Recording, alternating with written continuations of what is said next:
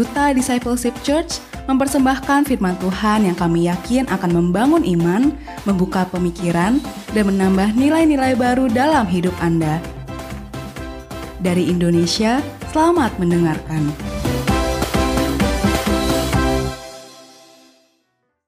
Puji Tuhan, katakan shalom. Iya, uh, tadi sudah sempat diperkenalkan nama saya Pendeta Haryanto Winata. Dan kata pepatah saudaraku ya, katanya kalau nggak kenal nggak sayang. Jadi saya mau dikenal dan disayang saudara, lebih baik saya memperkenalkan diri dulu gitu ya. Supaya saudara nggak tanya-tanya, itu siapa pendeta gendut di depanku itu gitu ya. Dia teriak-teriak lagi gitu ya. Jadi lebih baik saya memperkenalkan diri dulu. Nama saya Pendeta Haryanto Winata, saya gembala jemaat dari Gereja Betel Indonesia Jemaat Katarizo di Taman Poris Gaga. Saya sudah menikah tentu saja dengan satu orang istri, satu aja saudaraku. Dia nggak habis-habis, dia marah mengembang ke kiri dan ke kanan. Kami dikaruniai tiga orang anak, yang pertama wanita, yang kedua perempuan, yang ketiga cewek. Jadi saya yang paling ganteng katanya gitu ya, karena yang lain cantik-cantik di rumah. Puji Tuhan. Saya juga dipercaya Tuhan untuk menjadi seorang dosen tetap di Sekolah Tinggi Teologi Permata Bangsa Barito. Uh, kemarin baru menyelesaikan program doktoral di STT IKAT Jakarta. Ya, saya pikir itu saja perkenalannya. Oh, ada satu lagi saudaraku. Kalau saudara ketemu orang yang model saya, ya, tapi suka adanya di pameran mobil, itu bukan saya saudaraku. Jadi kalau saudara pas lagi ke pameran mobil, lihat-lihat mobil, eh ketemu orang yang modelnya saya. Ah, itu bukan Pak Pendeta itu, bukan, bukan, bukan ya. Itu adik kembar saya, saudaraku ya. Jadi kalau saudara lihat sama, betul-betul sama, saudaraku ya. Yang bilang beda cuman istri saya, saudaraku ya. Kalau orang lain ngeli bilang sama, sama bener Pak gitu ya. Tapi cuman istri saya yang bilang enggak lain. Nah, puji Tuhan dia bilang lain ya. Kalau enggak bingung saya gitu ya. Oke, uh, hari ini saudaraku kita mau belajar dengan tema integritas, saya mengambil uh, secara spesifik tentang mengenai keputusan yang berintegritas. Yuk, lihat Alkitab kita bersama-sama saudaraku dalam kitab Rut pasal yang pertama, ayat yang ketujuh sampai ayat yang ketujuh belas. Saya senang sekali membaca Alkitab berganti-gantian dengan jemaat. Nanti saya baca pada ayat yang ketujuh, Bapak Ibu Saudara baca ayat yang ke-8, kita ganti-gantian. Bisa? Bisa ya? Oke ya. Rut 1 ayat yang ketujuh, maka berangkatlah ia dari tempat tinggalnya itu bersama-sama dengan kedua menantunya ketika mereka sedang di jalan untuk pulang ke tanah Yehuda.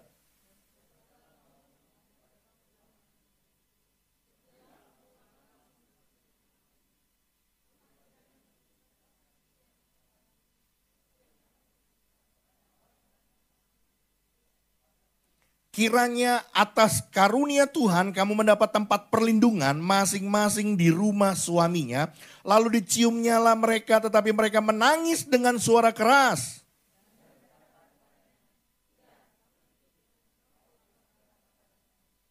Tetapi Naomi berkata, pulanglah anak-anakku, mengapa kamu turut dengan aku? Bukankah tidak akan ada lagi anak-anak laki-laki yang kulahirkan untuk dijadikan suamimu nanti?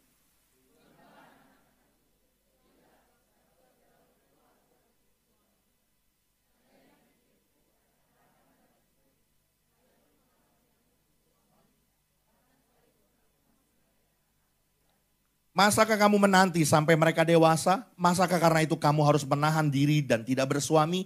Janganlah kiranya demikian anak-anakku. Bukankah jauh lebih pahit yang aku alami daripada kamu? Sebab tangan Tuhan teracung terhadap aku. Bersama-sama menangis pula mereka dengan suara keras. Lalu Orpa mencium mertuanya itu minta diri. Tetapi Ruth tetap berpaut padanya. Saudaraku kisah ini menceritakan tentang dua orang menantu Orpa dan Ruth yang sama-sama mengambil sebuah keputusan untuk ikut pulang bersama dengan Naomi mertuanya ke Bethlehem. Untuk mereka menyembah kepada Allah yang hidup, kepada Allah Israel, kepada Allah Abraham, Ishak dan Yakub. Tapi saudaraku kalau kita melihat kisah ini, ternyata saudaraku di ayat 14 tadi, di tengah-tengah perjalanan mereka, tiba-tiba saudaraku, ya, Ruth membatalkan. Keputusannya diubah Ruth mengambil keputusan untuk meninggalkan Naomi. Hanya Ruth, sorry, Orpa. Orpa yang mengambil keputusan untuk meninggalkan mertuanya Naomi dan hanya Ruth yang tetap berpaut kepada Naomi untuk mengikut Naomi pulang ke Bethlehem. Apa alasannya saudaraku? Kenapa Ruth mengambil keputusan tetap berpaut kepada Naomi mertuanya? Saya menjumpai saudaraku Ruth dalam mengambil keputusannya berdasarkan integritas yang ada dalam dirinya. Dan hal yang menarik saudaraku, integritas, keputusan dalam integritas yang diambil oleh Ruth ini membawa Ruth menggenapi rencana Allah di dalam hidupnya. Keputusan dalam integritas yang diambil oleh Ruth tanpa dia sadari membawa dia masuk dalam pekerjaan baik yang dipersiapkan Allah untuk menjadikan dia nenek moyang dari kelahiran Mesias Yesus Kristus ke dalam dunia ini. Saya melihat suraku demikian juga dalam hidup kita. Ketika kita dalam hidup ini suraku setiap hari ya. Kita diperhadapkan kepada banyak sekali keputusan-keputusan yang harus kita ambil.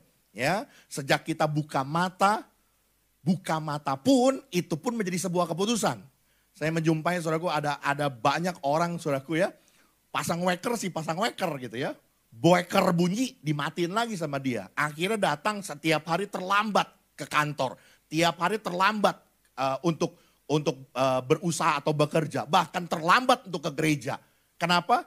Karena membuka mata juga adalah sebuah keputusan. Dan banyak orang saudaraku dalam dalam tindakan keputusannya itu ya sering kali tidak disertai dengan keputusan yang berintegritas.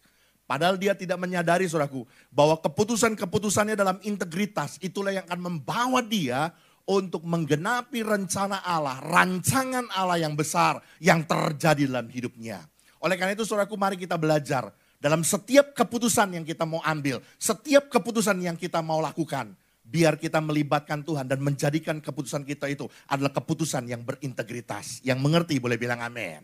Ya, saudara, saya uh, sorry, uh, saya melihat suraku ketika ya ini dari kamus ya mendefinisikan tentang integritas dari kata integer yang berarti lengkap, menyeluruh ya atau segalanya. Kamus Besar Bahasa Indonesia menyatakan bahwa integritas itu adalah mutu, sifat atau keadaan yang menunjukkan kesatuan yang utuh sehingga memiliki potensi dan kemampuan yang memancarkan kewibawaan dan kejujuran. Ya, ini seorang hamba Tuhan, seorang gembala bernama Stefanus Agustinus menyatakan suraku integritas memiliki arti yakni suatu sikap hati untuk terus mengambil keputusan dan bertindak dari pemahaman pada prinsip kebenaran yang hakiki apa pun resikonya. Ya, jadi saudaraku, setiap keputusan yang kita ambil berdasarkan integritas, ya, itu pasti harus didasari kepada prinsip kebenaran yang hakiki, yang sebenarnya. Apa pun resikonya, apa pun harga yang harus dibayar, dia berani untuk melakukannya karena keputusan-keputusan yang diambilnya adalah keputusan yang integritas. Ya, Saudara dengar baik-baik, menjadi siapa kita tergantung apa yang menjadi keputusan di dalam hidup kita.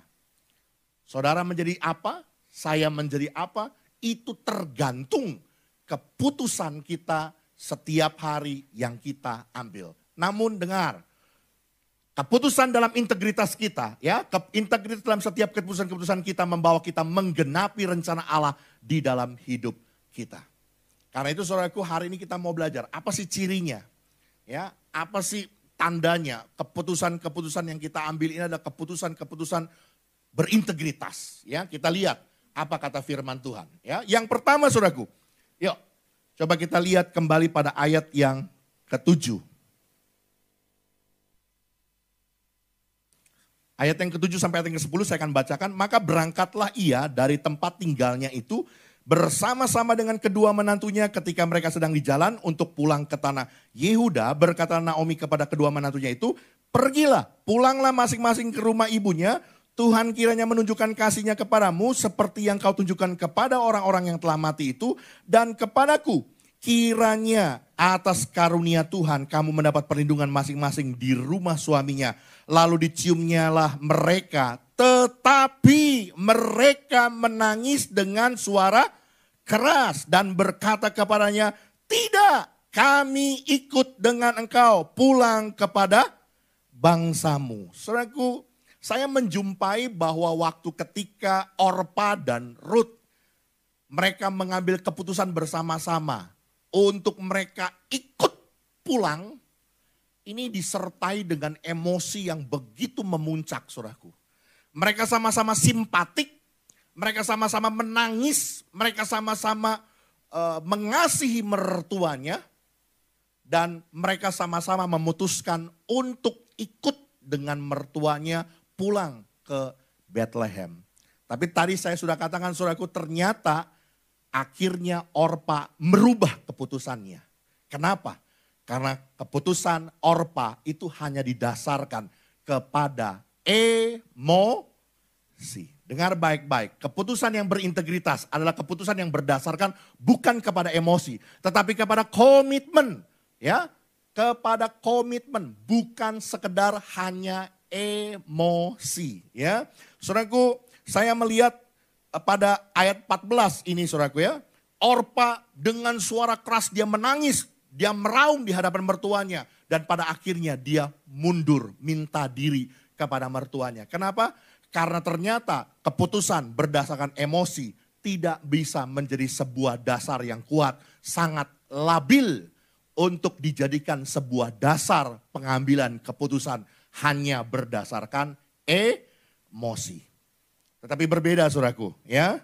Saya melihat di sini bahwa Ruth mengambil keputusan bukan sekedar hanya emosi, tapi disertai dengan komitmen karena dia dalam keputusannya, Ruth dengan keputusannya adalah keputusan yang berintegritas.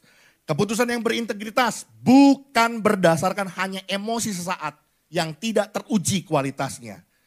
Ini ini perlu kita lihat suraku, kita perbandingkan. Di dalam kitab Matius, salah satu murid Yesus yang bernama Simon Petrus, ini orang yang luar biasa suraku. Tuhan Yesus berkata, malam hari ini kalian semua akan tergoncang imannya. Tiba-tiba saudaraku tampil Simon berdiri dan berkata, sekalipun yang lain terguncang imannya, sekali-kali aku tidak. Sekalipun yang lain meninggalkan aku, aku tidak. Uh, luar biasa saudaraku. Tapi apa kata Tuhan Yesus? Sebelum ayam berkokok dua kali, kamu sudah menyangkal aku tiga kali. Dan benar saja saudaraku, ternyata ketika kejadian itu terjadi. Apa yang dinyatakan oleh Tuhan Yesus itu terjadi. Yesus ditangkap oleh tentara Romawi. Yesus mulai dibawa untuk menghadap imam besar. Yesus mulai dipukuli, Yesus mulai mengalami penganiayaan. Petrus mengikutinya diam-diam dari belakang. Lalu mulai dari anak kecil ber, kamu kan seorang dari mereka? Oh tidak, tidak. Kalau saudara lihat stepnya saudaraku ya. Mulai dari kata menyangkal, kemudian menyangkal yang kedua, menyangkal dan bersumpah, wih swear, swear, gua gak kenal, gak kenal. Bahkan yang ketiga lebih parah lagi saudaraku, sudah menyangkal, bersumpah, ditambah mengutuki. Gak kenal, biarin mau mati, mati aja, gak ada urusan sama saya. Sudah menyangkal, ya, lalu bersumpah dan mengutuki Sekali lagi suraku, keputusan berdasarkan emosi. Bukanlah keputusan yang berintegritas. Keputusan yang sangat-sangat tidak stabil dan tidak bisa dipertanggungjawabkan kualitasnya. Karena itu dengar baik-baik. Dalam hidup ini suraku, saya katakan tadi, banyak sekali keputusan yang akan diperhadapkan kepada kita setiap hari. Jangan pernah ambil keputusan hanya berdasarkan e emosi. Apalagi saudara ya, suami istri kalau lagi berantem, lagi ribut, ini kata-kata yang tidak boleh ada. Seperti sebuah kamus, kata ini harus didilet, harus hilang dari hidup kita, dari kamus rumah tangga kita. Ceraikan saya. Cerai saja, cerai. Itu nggak boleh ada, saudaraku. Ya, kalau sedang emosi, jangan pernah ambil keputusan. Karena keputusan yang berdasar kepada emosi sangat tidak bisa teruji kualitasnya. Tapi berbeda saudaraku. Ya, ketika kita mengambil keputusan berdasarkan komitmen. Ini menjadi sebuah keputusan yang berintegritas. Saudara, tadi di ibadah raya pagi juga saya sudah kesaksikan ini ya, dan ini menjadi sebuah kesaksian yang luar biasa. Saudaraku, saya katakan tadi saya punya adik kembar, ya. Cuman memang saya mau bilang saudaraku, inilah menjadi pembuktian. Sekali lagi, ini menjadi pembuktian bahwa Feng Shui dan Hong Shui itu omong kosong. Ya, kenapa saya mau bilang begitu saudaraku? Saya dan adik kembar saya lahir dari rahim yang sama. Kami tumbuh dari rahim yang sama, ada di dalam rahim yang sama, keluar dalam waktu yang hampir sama. Hanya beda 17 menit. Jadi saya lahir duluan, konon katanya. Waktu itu mah kakak-kakak tahu.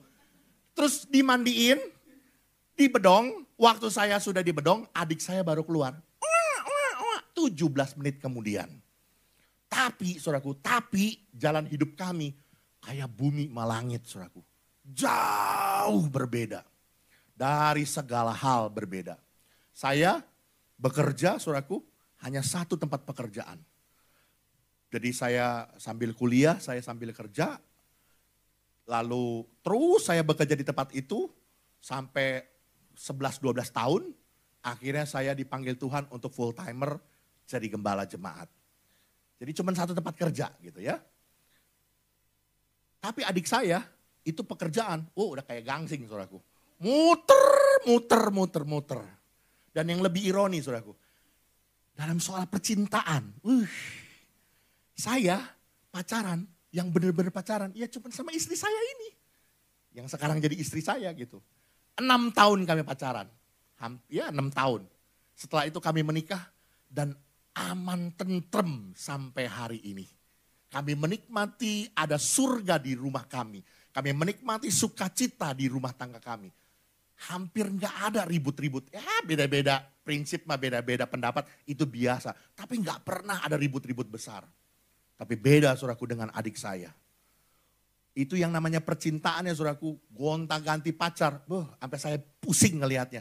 Ganti lagi, ganti lagi. Waktu saya merit, saya udah bilang, nggak usah foto sama pacar lo. Ntar gimana kalau lo putus? Bener aja suraku, dia foto sama pacarnya. Di saya lagi jadi pengantin gitu kan, sama pacarnya dia fotoan.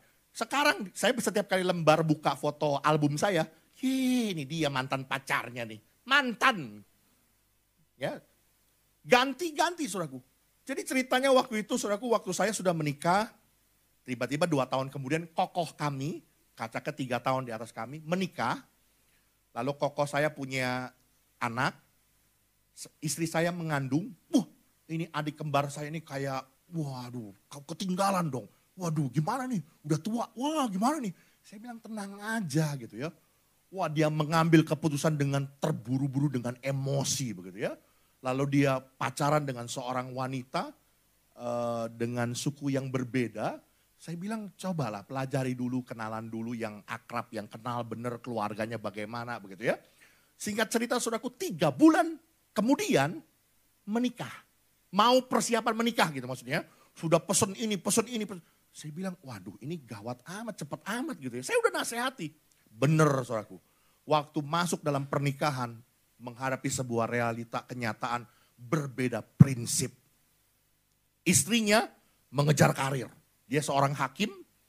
Saudara kalau tahu hakim itu seperti tentara, saudaraku. Diutus negara ke mana saja, maka dia pergi. Diutus ke Jambi, saudaraku. Istri ada di Jambi, suami ada di Jakarta. Anak ada di Tangerang.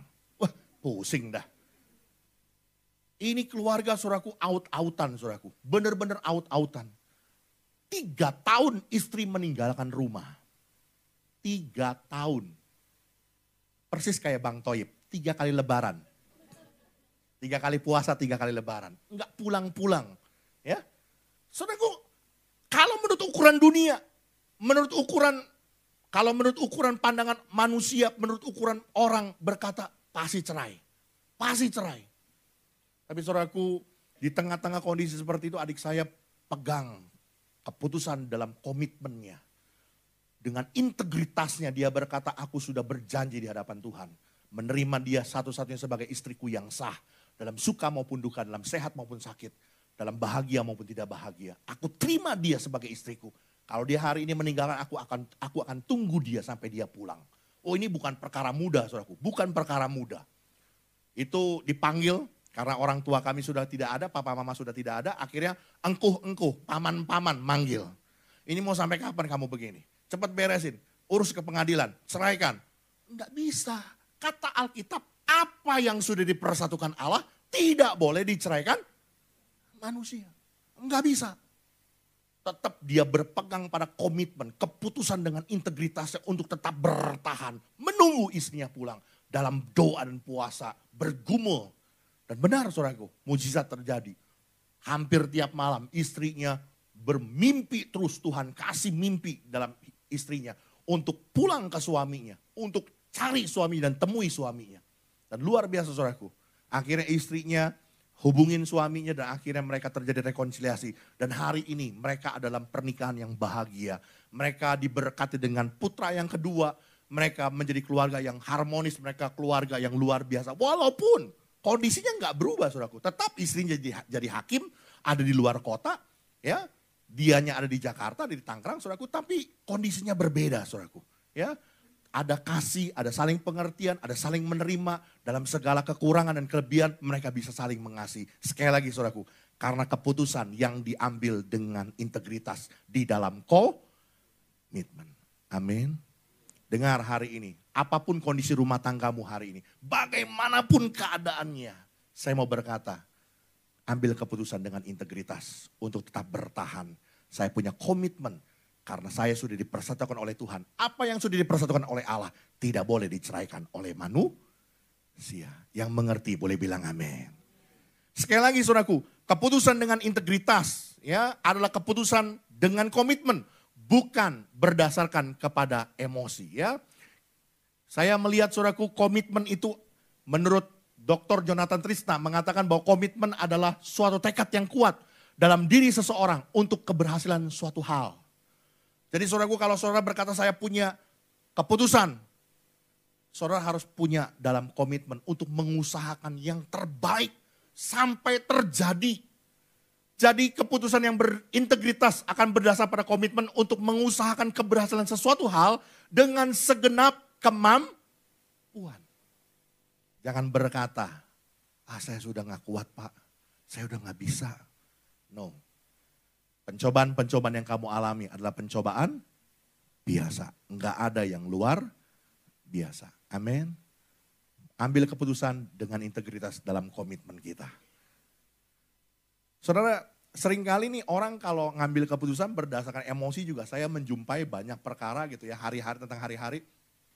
Ini apa namanya, eh, kita kalau lagi ke mall ke mana gitu ya, ditawarin brosur mobil apa gitu ya. Saya memang punya mobil saudaraku, nah, jemaat juga pengurus juga ada banyak yang ngomong, aduh pak mobilnya udah tua, tahun 2012 gantilah pak yang baru. Dalam mati, oh nyuruh ganti, oh beliin kek gitu ya, beliin enggak gitu ya. Tapi tertarik saudaraku, waktu orang tawarin brosur gitu ya, mobil, apalagi saya demen banget sama Wuling Almas gitu ya, keren bener gitu, harganya terjangkau dan mobilnya mewah gitu ya. Wah keren sekali saudaraku. Kepingin ganti mobil, kepingin gitu ya. Tapi saya mikir lagi saudaraku, ganti mobil. Buat apa? Uang mobil yang ini aja nggak pernah jalan. Mobil saya tahun 2012, sekarang tahun berapa saudara? 2019, berarti sudah berapa? 7 tahun. Kilometernya baru 40 ribu. Kalau saudara yang ngerti mobil pasti ngerti. Itu mobil nggak pernah jalan saudaraku. Cuma dipanasin tiap hari. Supaya akinya nggak soak gitu ya. Sampai berdebu, sirimin lagi sama air, cuci lagi, bersih-bersih. Saya kadang-kadang mikir, mau ngapain ganti mobil? Ganti mobil mendem juga di rumah gitu, dipakai jarang sekali gitu ya. Saya mau berkata saudaraku, ada begitu banyak orang mengambil keputusan itu bukan berdasarkan kepada komitmen, integritas, tapi kepada emosi sesaat. Ya, saya ke dealer motor saudaraku, mau maksudnya sih mau perpanjang STNK gitu ya ini di apa dia jual motor-motor bekas. Waktu saya perhatiin motor-motor bekasnya, loh tahunnya tahun baru saudaraku. Tahun sekarang, tahun 2019. Waktu itu saya datang bulan 5 saudaraku. Saya lihat bulan 1, bulan 2, bulan 3 ada saudaraku. Saya lihat, ih kok ini motor-motor baru saya bilang. Iya pak, diceritain sama itunya, petugas di sana gitu ya, sama sales ya. Ini orang-orang yang ngambil motor pak, cuman bayar DP 500 ribu, 600 ribu, tapi nggak pernah dibayar pak. Ya udah diambil pak sama debt collector di tengah jalan. Jadi nggak ada STNK-nya, STNK-nya di tangan mereka gitu ya. Jadi langsung nanti ganti nama gitu. Oh gitu ya. Kenapa bisa begitu saudaraku? Wah lagi di pameran ya, tawarin DP murah 500 ribu. Wih Yamaha apa? Nmax 500 ribu. Ambil, ambil, ambil. Dia lupa cicilannya 3 tahun, 4 tahun, 5 tahun. Dia nggak mikir gitu kan. Ambil, ambil, ambil. Begitu nyicil, waduh. Kebutuhan menggak, bukan kebutuhan. Akhirnya hilang semuanya. Saya mau berkata saudaraku yuk mari belajar. Waktu kita ambil keputusan, menjadi keputusan yang berintegritas yang disertai dengan komitmen, bukan hanya berdasarkan emosi. Yang sekali lagi yang mengerti boleh bilang amin. Ini yang pertama saudaraku, ya. Saya melihat saudaraku keputusan dengan integritas bukanlah keputusan yang berdasar kepada emosi, ya. Keputusan integritas itu harus berdasarkan kepada komitmen untuk menghasilkan sebuah keputusan yang diusahakan dengan segenap kemampuan untuk mencapai kepada keberhasilannya. Oke, Next yang kedua, yuk kita lihat coba nats, apa kembali kepada nats kita Rut pasal 1. Sekarang kita lihat ayat yang ke-11 sampai ke-13. Rut 1 ayat 11 sampai 13 demikian firman Tuhan. Tetapi Naomi berkata, "Pulanglah anak-anakku, mengapa kamu turut dengan aku? Bukankah tidak akan ada lagi anak-anak laki-laki yang kulahirkan untuk dijadikan suamimu nanti? Pulanglah anak-anakku, pergilah. Sebab sudah terlalu tua." aku untuk bersuami. Seandainya pikirku ada harapan bagiku dan sekalipun malam ini aku bersuami bahkan sekalipun aku masih melahirkan anak laki-laki masakah kamu menanti sampai mereka dewasa? Masakah karena itu kamu harus menahan diri dengan tidak bersuami? Janganlah kiranya demikian anak-anakku. Bukankah jauh lebih pahit yang aku alami daripada kamu sebab tangan Tuhan teracung kepada aku Saudaraku yang kedua sering kali orang mengambil keputusan itu berdasarkan pertimbangan untung rugi. Ya. Saudaraku, tidak ada dasar untuk Ruth mengikut Naomi kalau dia mengikut Naomi hanya berdasar kepada pertimbangan untung rugi. Dan pertimbangan untung rugi ini saudaraku menjadi sebuah dasar sekali lagi. Menjadi sebuah dasar yang rapuh, yang tidak punya kualitas yang dapat dipertanggungjawabkan. Saya melihat saudaraku ya waktu Ruth dan Orpa mengambil keputusan untuk mengikut Naomi, mudah. Kalau si Naomi punya anak laki-laki berikutnya. Budaya orang Yahudi, kalau suaminya meninggal, maka si wanita itu menikah dengan adik laki-lakinya. Ya, itu budaya orang Yahudi, saudaraku. Mudah. Kalau si Naomi masih punya anak laki-laki, mudah si Naomi, eh sorry, si Ruth dan Orpa untuk ikut Naomi pulang ke Bethlehem. Kalau si Naomi adalah janda kaya yang punya banyak harta, yang punya banyak tanah di Bethlehem. Mudah. Ya nggak apa-apa dah nungguin mertua gue lewat tanahnya buat gue. Pikirnya bisa begitu kan? Tapi ternyata tidak saudaraku. Ya, Ternyata Naomi adalah seorang janda miskin yang tidak punya apa-apa dan juga tidak punya anak laki-laki lagi yang bisa dinikahkan oleh Ruth. Jadi saya melihat suraku keputusan Ruth untuk mengikut Naomi pulang ke Bethlehem untuk mencari Allah yang hidup, Allah Israel. Itu benar-benar berdasarkan keputusan integritas ya Keputusan yang berdasar kepada kejujuran dan kesetiaan, bukan berdasar kepada pertimbangan untung rugi. Berapa banyak suraku? Orang mengambil keputusan hanya didasarkan kepada pertimbangan untung rugi. Dan saya mau berkata suraku, orang-orang yang demikian suraku, adalah orang-orang yang tidak dapat dipercaya. Orang-orang yang tidak bisa punya kualitas integritas yang baik. Kenapa? Karena segala sesuatu di, diukur dengan materi segala sesuatu diukur dengan pertimbangan materi. Saya menjumpai banyak sekali, tapi tidak, saya percaya tidak untuk orang-orang di sini ya. Cari menantu, kriteria pertamanya, punya perusahaan apa? Berapa besar perusahaannya? Bawa mobilnya apa? Cari mantu, saudaraku. Sampai saya bilang, ini mau nikahin anak sama harta, apa mau nikahin sama anak laki-laki, saya bilang. Banyak, sampai hari ini saudaraku. Sampai hari ini.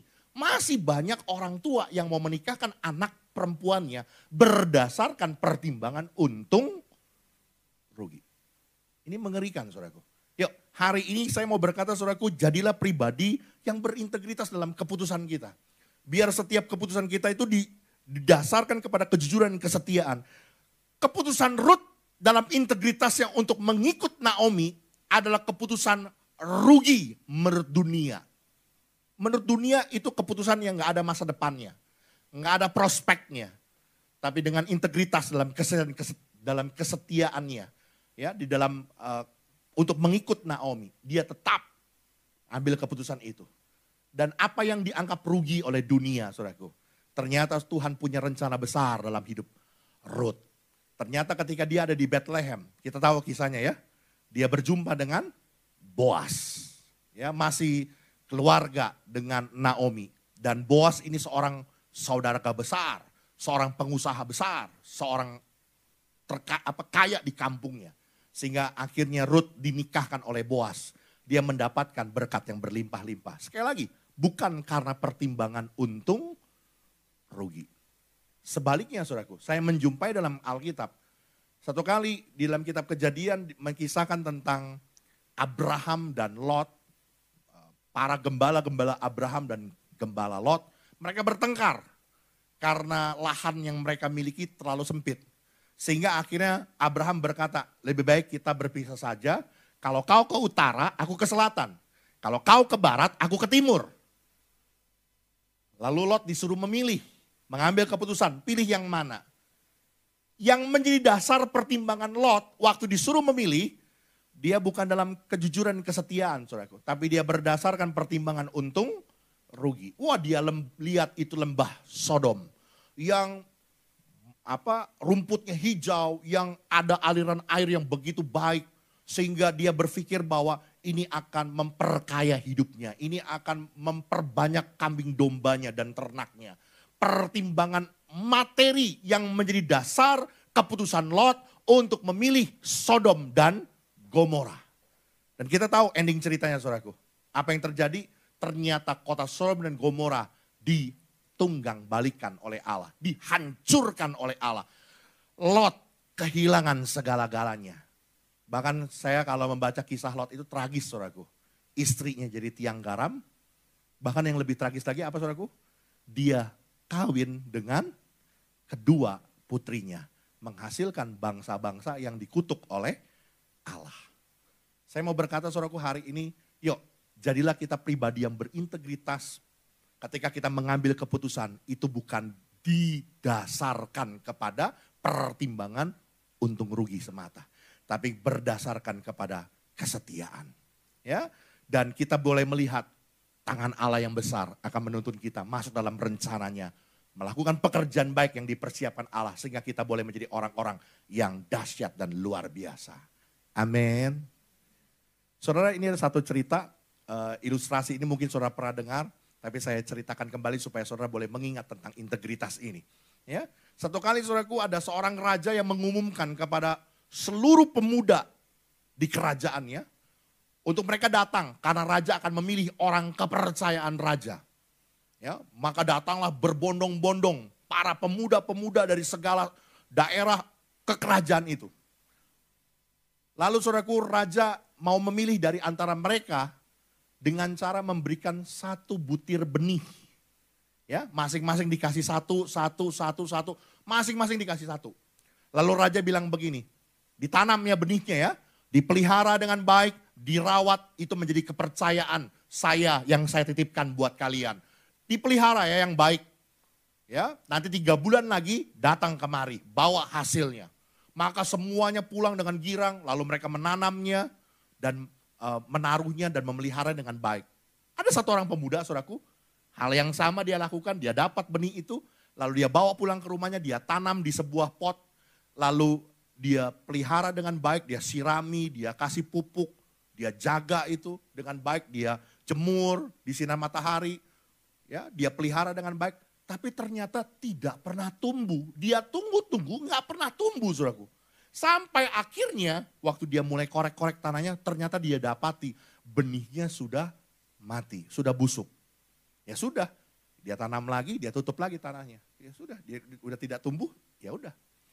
Saudaraku singkat cerita tiga bulan kemudian sang raja memanggil kembali semua pemuda-pemuda itu untuk datang. Membawa hasil Kepercayaan raja memberikan benih yang dijaga oleh mereka. Maka semuanya datang dengan membawa pot-pot yang besar-besar. Ada pohon-pohon yang indah, yang cantik, bunga-bunga yang begitu baik. Hanya pemuda ini yang bawa dengan pot tanah kosong. Ya, semua orang mentertawakan dia. Wah, masa kayak begini di apa di mau diberi kepercayaan uang potnya kosong gitu ya. Singkat cerita saudaraku, sang raja mulai bertanya sama mereka. Sudah ditanam? Sudah. Sudah dipelihara? Sudah. Bagaimana hasilnya? Luar biasa. Wah gitu ya. Tapi saudaraku, waktu raja lihat satu persatu ada satu orang. Ya pemuda itu yang potnya kosong. Ini menarik. Lalu raja panggil, sini kamu naik ke atas. Lalu raja umumkan, pemuda inilah yang menjadi orang kepercayaan saya. Wah semuanya heboh saudaraku. Kenapa bisa dia? Kan potnya kosong. Berarti dia tidak menjaga kepercayaan raja dong. Gitu ya. Ternyata saudaraku rajanya bilang begini. Waktu saya memberikan benih kepada kalian, benih itu sudah saya sangrai. Sudah saya goreng. Jadi nggak mungkin benih itu bisa tumbuh. Saya mau berkata saudaraku, sering kali kita mengambil keputusan bukan dengan integritas. Tapi hari ini yuk belajar seperti pemuda ini dapat dipercaya karena keputusannya ya bukan berdasarkan untung rugi tapi berdasarkan kepada kejujuran dan kesetiaan. Yang mengerti boleh bilang amin. Dan yang terakhir, yuk kita lihat. Ayat 11 dan 14. Rut 1 ayat 11 dan 14. Bapak Ibu yang baca ya, ayat yang 11 ya nanti ngantuk lagi. Yuk dibaca ya ayat 11 ya. Dua, tiga.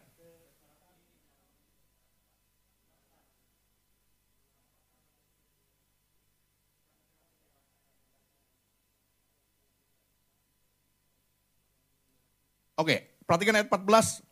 Menangis pula mereka dengan suara keras, lalu Orpa mencium mertuanya itu minta diri, tetapi Ruth tetap berpaut padanya. Saudaraku dengar baik-baik. Yang ketiga, saudaraku, sering kali saya jumpai ada begitu banyak orang dalam mengambil keputusannya didasarkan kepada situasi dan kondisi. Orang bilang begini, ya kita lihat aja nanti situasinya, kita lihat saja bagaimana kondisinya, baru kita ambil keputusan. Seringkali saudaraku, keputusan diambil berdasarkan situasi dan kondisi. Tapi sekali lagi, keputusan yang demikian saudaraku adalah bukan keputusan yang berintegritas. Keputusan yang demikian sangat tidak bisa dipertanggungjawabkan kualitasnya. Saudaraku dengar baik-baik. Keputusan yang berintegritas berdasar kepada konsistensi. Harus konsisten. Dan bukan berdasar kepada situasi dan kondisi. Kalau kita melihat cerita ini saudaraku sangat-sangat situasi dan kondisinya tidak mendukung bahkan melemahkan Ruth untuk mengikut Naomi pulang ke Bethlehem untuk menyembah kepada Allah yang hidup. Sangat melemahkan. Kenapa? Karena si Naomi mertuanya yang mau diikuti oleh Ruth bilang pulang aja, nggak usah ikut. Melemahkan. Bahkan yang lebih parah lagi saudaraku, Orpa teman seperjuangannya tiba-tiba minta diri dan pulang. Meninggalkan Ruth seorang diri. Jadi sebenarnya saudaraku situasi dan kondisinya sangat melemahkan Ruth untuk ikut pulang ke Bethlehem. Tapi saudaraku sekali lagi, keputusan yang Ruth ambil adalah keputusan yang berintegritas, yang berdasarkan kepada konsistensi. Ruth tidak berubah kepada keputusannya. Dia tahu dia sedang berjalan dalam kebenaran. Dia mau menyembah kepada Allah yang hidup. Amin, saudaraku. Ini yang harus kita lakukan saudaraku dalam keputusan yang kita mau ambil itu bukan berdasarkan kepada situasinya, kondisinya bagaimana. Tapi kita mau ambil keputusan itu berdasarkan kepada konsisten keputusan yang benar. Saudara, kalau kita melihat dalam kisah dalam Alkitab, ya ini Daniel pasal 3. Satu kali Nebukadnezar membuat patung yang tinggi, besar. Lalu semua orang disuruh menyembah. Lalu suraku dan tiga orang pemuda ini, Sadra, Mesa, dan Abednego tidak mau menyembahnya. Dan raja tahu dan mendengar berita itu. Lalu raja bilang sama mereka, kalau bunyi sangkakala bunyi, kamu sujud menyembah kepada patung buatanku, maka aku anggap clear. Tapi kalau kamu nggak mau, maka kalian bertiga masuk dalam dapur perapian. Apa jawaban mereka? Apa keputusan mereka, saudaraku? Ya, dia bilang apa? Tidak ada gunanya kami memberi jawab kepada Tuanku dalam hal ini. Jika Allah yang kami puja sanggup melepaskan kami, maka ia akan melepaskan kami dari perapian yang menyala-nyala itu dan dari dalam tanganmu ya Raja. Tetapi seandainya tidak, hendaklah Tuanku mengetahui ya Raja bahwa kami tidak akan memuja dewa Tuanku dan tidak akan menyembah patung emas yang Tuanku diberikan itu apa pun kondisinya, apa pun situasinya, bahkan ada resiko besar yang diperhadapkan. Seseorang yang punya integritas, dia akan tetap konsisten dengan kebenaran. Dia tidak akan berpaling kepada perkara-perkara yang tidak benar. Amin. Saya melihat suraku ini menjadi sebuah keputusan yang luar biasa ya. Keputusan dengan integritas akan disertai dengan konsistensi apa pun resikonya, berapapun harga yang harus dibayar. Tetap teguh pada keputusan dan tidak bimbang dalam menjalankan keputusan itu. Karena itu hari ini saudaraku, Tuhan mau mengingatkan kita. Setiap hari kita diperhadapkan kepada keputusan-keputusan. Dan banyak sekali keputusan yang harus kita ambil. Tapi tahukah saudara, bahwa keputusan-keputusan yang kita ambil setiap hari itulah, itulah yang membawa kita menggenapi rencana Allah dalam dunia ini Melakukan pekerjaan baik yang dipersiapkan Allah untuk hidup kita. Yang dirancangkan Allah. Apa yang Tuhan mau, apa yang Tuhan kendaki.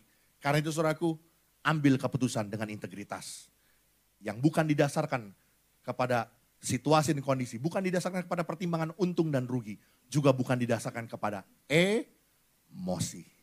Tuhan Yesus memberkati kita, biar kita menjadi pribadi-pribadi yang semakin excellent di hadapan Tuhan. Amin.